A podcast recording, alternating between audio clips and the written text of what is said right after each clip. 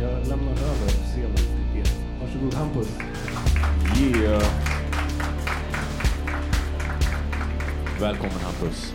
Tack! Och gud vad högt det var på den. Det här är alltså mitt avsnitt av Fattamans stafettpodd Det börjar med mig. Jag heter Adam Tensta. Och eh, i det här avsnittet så är det jag som ställer frågorna. Helt enkelt. Ehm, um, Fattaman är ett projekt uh, som är till för att få män att, och killar att engagera sig i kampen mot destruktiva mansnormer och sexuellt våld. Och det speciella med det här avsnittet är att det spelas in inför en publik på Södra Teatern. Är ni med publiken? De är med.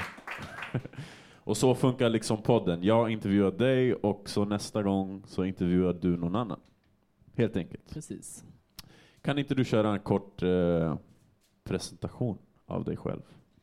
För de Ja. som då inte vet vem du är. Kanske inte är så många. Ja, jo, det är det nog. Eh, som inte vet alltså. Eh, jag heter Hampus Nessvold, eh, 19 år, programledare i radio, tv och eh, håller på med musik. Kort och gott.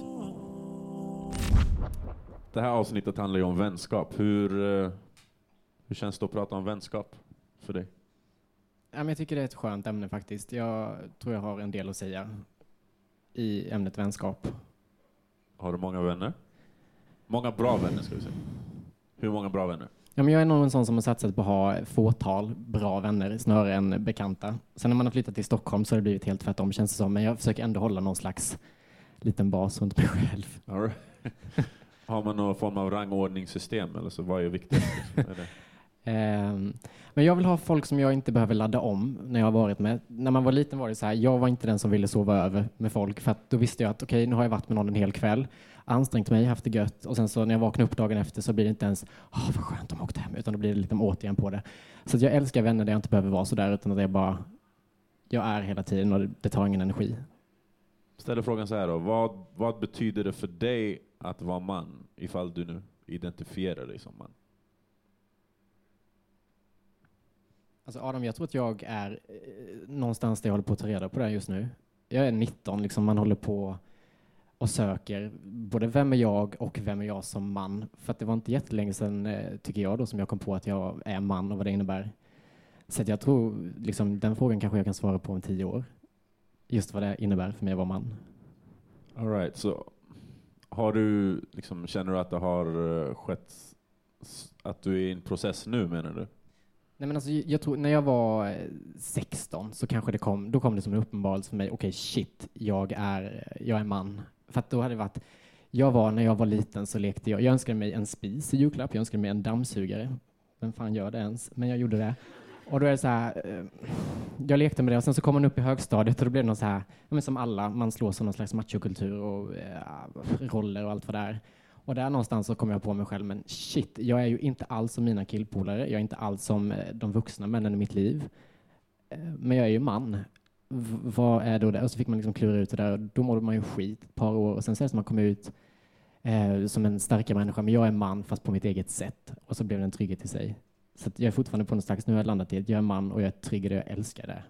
Men jag är det på mitt sätt och jag behöver inte vara som de andra runt om mig. Grymt. Tycker jag. Vad tycker publiken? Eh, det finns ju vissa studier som eh, säger att ju äldre män blir, eh, desto mer ensamma blir man. Vad tror du det kan bero på? Är män mer ensamma än kvinnor? Liksom? Men, alltså, ja, nu är inte jag någon samhällsforskare, men om jag ska eh, utifrån vad jag har sett och upplevt av mina föräldrar och mina morföräldrar så kan jag se att jag tror det är initiativförmågan hos männen som gör att de är ensamma och det grundar sig väl i någon slags stolthet att eh, man är stark själv och man behöver inte kontakta för umgänge. Mina föräldrar kan ju umgås med sina kompisar, de har jättemycket kompisar, men när de umgås så är det ju min mamma som kanske tar initiativet främst.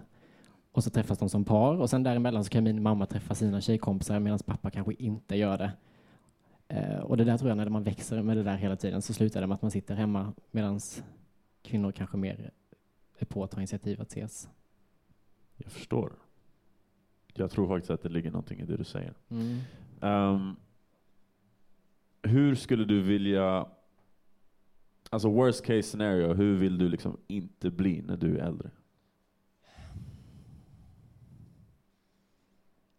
Det där jobbar jag också på nu, för att jag ser ju sidor av mig själv som jag hatar. Att jag är svårt att säga förlåt. Usch. Att jag inte kan erkänna när jag har fel. Jag ska ofta bevisa mig att jag har rätt, liksom, även om jag sårar folk. Så att, att komma över de där sidorna, vara öppen istället för direkt bara nej, det där gör inte jag. Allt det där, bara fortsätta liksom vara öppen. Um, och inte så stolt själv heller, tror jag. Det vill jag inte vara om 20 år. Stolt, stolthet, alltså Ja. det är faktiskt en eh, extremt stor manlig fråga i synnerhet. Mm. Um, det här med, kopplat tillbaks till vänner då, tror du, upplever du själv att det är enklare att bli vän med en, eh, med en tjej eller med en kille? Har du någon, någon tanke på det? Om det? Det är ganska nyss jag börjat bli kompis med killar faktiskt. Jag har alltid umgåtts mest med tjejer och jag gick i, när jag gick i gymnasiet så gick jag i en klass med tio tjejer och så jag. Bara, och det var helt fantastiskt för då fanns det utrymme det här när man kommer från gymna- eller högstadiets eh, roller och machokultur och så kommer man in i en situation där det bara är tjejer och där det är så här första dagen man var nervös, handsvetten bara rann liksom och de var så här, gud du är så rolig, du är så härlig, utan att jag ansträngde mig överhuvudtaget. Det var så här, fanns sånt utrymme för att utveckla sig som den jag var. Fast nu när jag tänker på det, jag har inte så många kvinnliga tjejkompisar faktiskt. Ja, vad beror det på tror du? Jag vet inte. Nu är det jag som intervjuar dig här. Sorry. Ehm, vad har du för manliga förebilder vad gäller vänskap? Alltså nära dig och kanske så här i media. Vad har man, vad har man för förebilder? Eh, min bästa vän heter William som sitter där också. Eh, och han är en förebild för mig. Eh, för att han är det där som jag kanske strävar efter att vara om några år. Han, är liksom, han kan erkänna att han har fel, han kan säga förlåt och han är inte så stolt. Så det där är en förebild för mig. Eh, och sen måste jag också säga, så här, klyschigt nog, Svante är faktiskt jättemycket förebild också. När man kollar på allt han gör och säger så blir man också så här helt bara shit. Annars har jag ingen så här förebild. Jag har alltid lyssnat på eh, liksom, eh, musik signerad av kvinnor och liksom intresserat mig mer för det också, helt omedvetet. Så att jag har inte så mycket bra koll på män i media. Förutom William då? Förutom William. Det är, Det är svårt grym, att undgå. Förebild. Grym. Ehm, om du ser till, till din egen roll och som kompis. Finns det någonting som du har haft ehm, problem med tidigare? Till exempel då att kanske säga förlåt eller, eller något liknande. Hur är man liksom en bra kompis? Och hur är man, hur är man inte en bra kompis? Hur skulle du definiera det? Men alltså jag kan, jag kan uppfatta mig själv som jävligt dryg som kompis för att jag är jag kan skriva till någon, hallå vad gör du? Och så får jag ett svar och sen slutar jag svara för att då har jag fått svar på det jag sökte. Så det blir så här, vem fan gör så liksom? Det blir jätte... Eh, och då blir man ju dryg i längden. Eh, så att jag kanske ofta, tyvärr, kan jag ta vissa för givet, för att vara ärlig. Och det är ju skit. Men sen när man väl ehm, är i vänskapen och eh, aktivt pratar med varandra så är jag nog lite för manisk och på också. Då vill jag umgås hela tiden. Jag kan få crushar crashar på folk där jag bara, som en förälskelse lite när jag träffar någon ny människa, människa som fångar mig. Och bara så här, jag vill umgås hela tiden. Hallå, vad gör du? Vad gör du? Jag är på jobbet. Kan, kan jag gå förbi? Nej, jag jobbar. Man bara, snälla en liten stund, vi kan fika.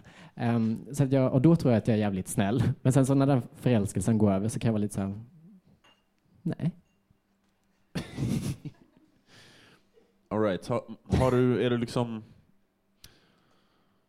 Finns det någonting som du tycker är extra svårt att prata om kanske? Men Vänner emellan? Jag är den gränslösa bland mina vänner. Ehm, faktiskt, det är de som brukar tycka det är jobbigt att prata med mig.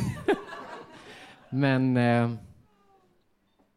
ja, men jag tror att jag kan prata ganska generellt om saker utan att gå in på min egen erfarenhet.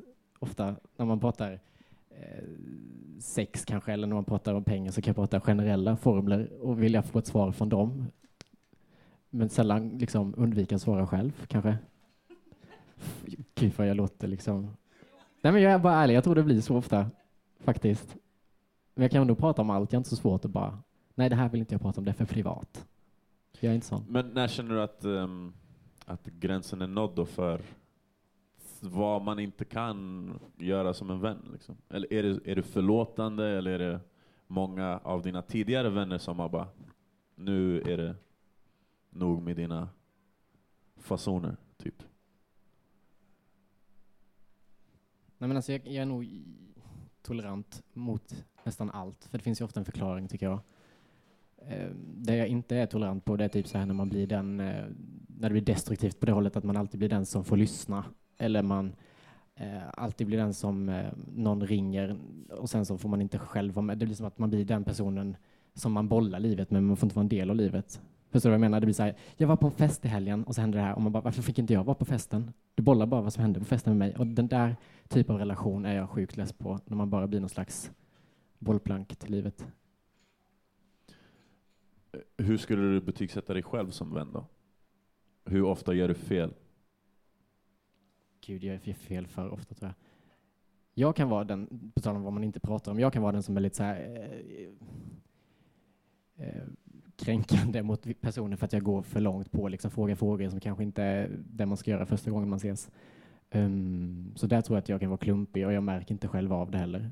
När jag är så här, okej nu gick jag lite för långt eller jag kan vara ärlig också att jag är besviken eller jag är sur på det här. Jag tycker det här är jävligt irriterande när du gör så här. Och det är också, det kanske man kan säga på finare sätt än eh, irritera upp folk genom att vara ganska klumpig rakt fram. Men ett betyg på mig som vän, jag... Säger man en sjua så skriker väl hon nej du är en fyra. Men vad fan, nej men en sjua kan jag få vara. Alltså, faktiskt. Mjukt ändå. Ja.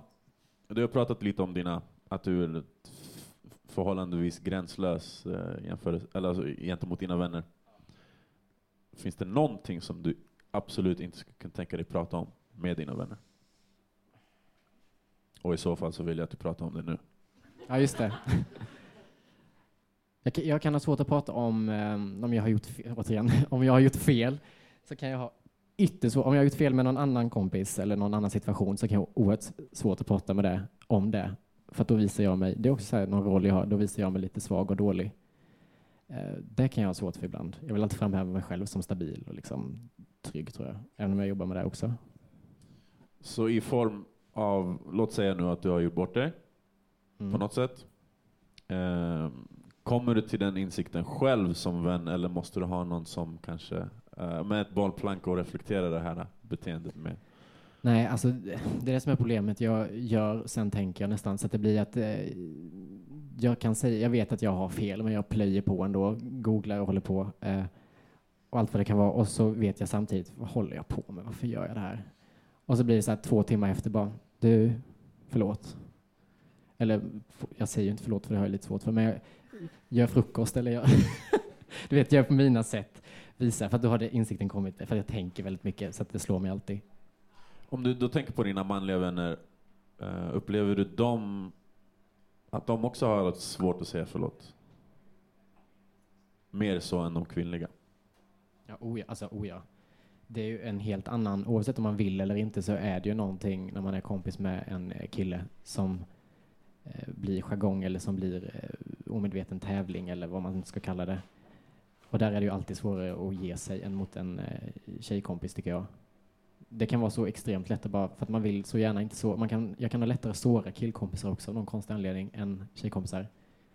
Jag tror alltid det är lättare att säga förlåt tjej, kille för mig, alltså en kille, kille. Varför tror du att män har svårare att säga förlåt? Stoltheten återigen. Alltså bara. Och allt det som jag säger, är att man har svårt att erkänna när man har fel. Ehm, jag tror det bottnar i samma sak. Har vi några frågor i publiken? Ni är ju vänner ändå med några andra. Ni kanske har några funderingar? Ja, Shabbe? Berätta om ditt värsta bråk med William.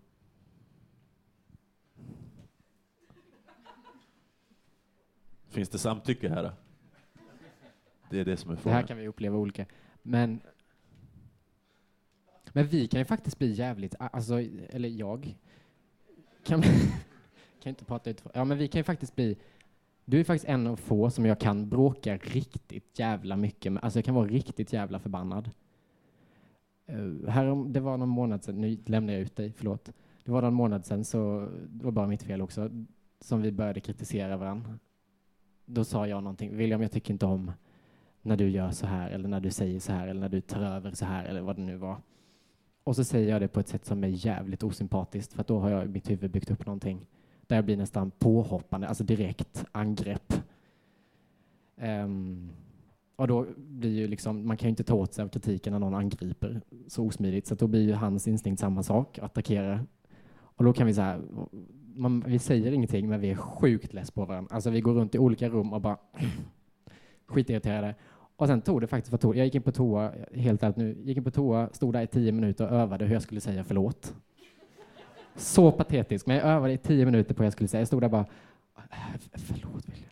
Eller om jag tar ett glas vatten först och så blir det naturligt att jag är i samma rum som honom. Och då kan det bara av en slump bara, förlåt William, det var mitt fel. Jag älskar dig, godnatt. Typ så. Och det där är det som är så fint med vår relation, tror jag, för att vi kan bråka och skrika på varandra, men det är också någonting som gör att vi säger förlåt. En nick skulle sitta gött. Nej, okej. Okay. Nu har inte du någon mick, så nu hör inte poddlyssnarna. du håller med? Han håller med. Han håller med.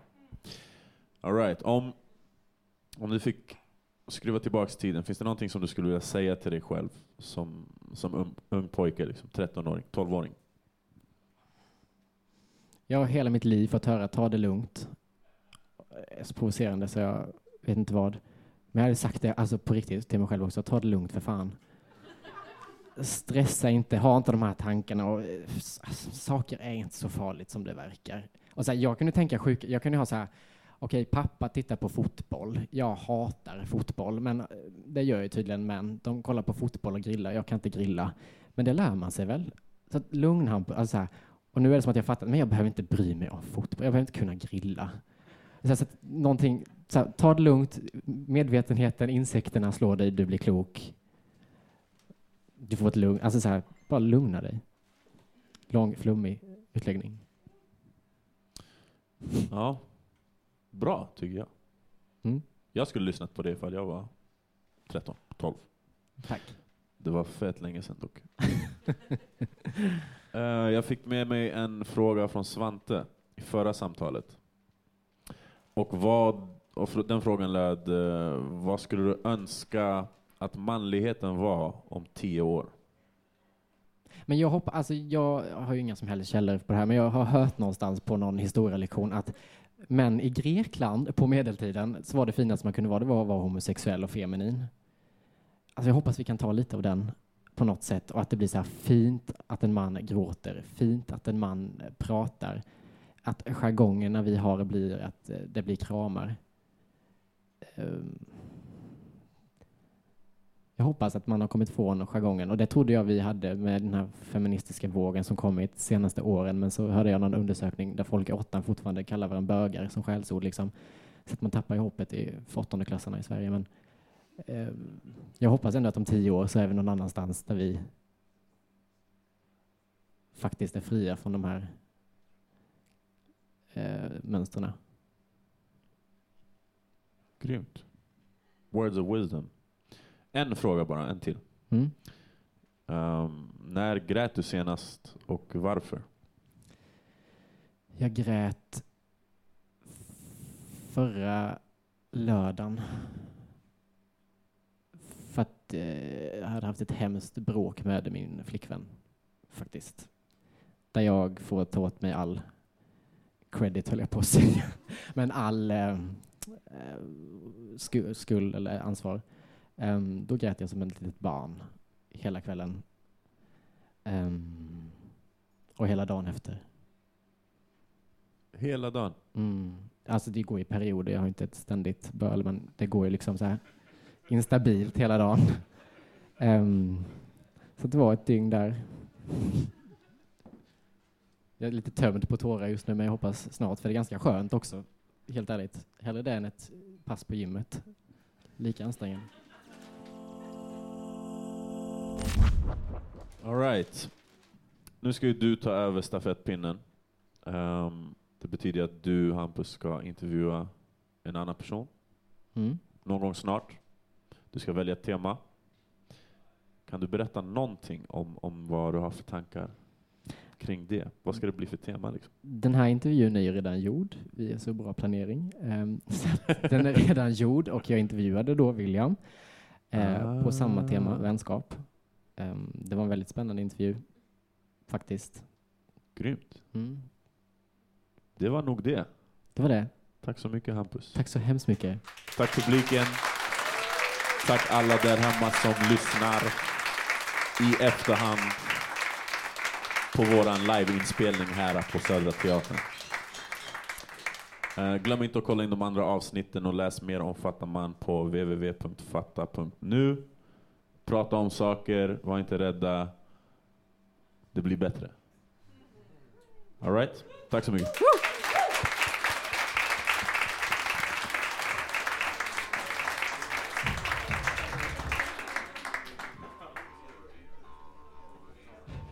Du har lyssnat på Fattamans stafettpodd Det börjar med mig. Fattaman är ett projekt som med stöd av Allmänna arvsfonden arbetar mot destruktiva maskulinitetsnormer och sexuellt våld. Syftet med podden är att skapa mötesplatser mellan män och ge dem möjligheten att få uttrycka sig utanför den manliga boxen. Innehållet i podden behöver därför inte vara i linje med Fattamans perspektiv. Läs mer på fatta.nu. Tack för att ni har lyssnat.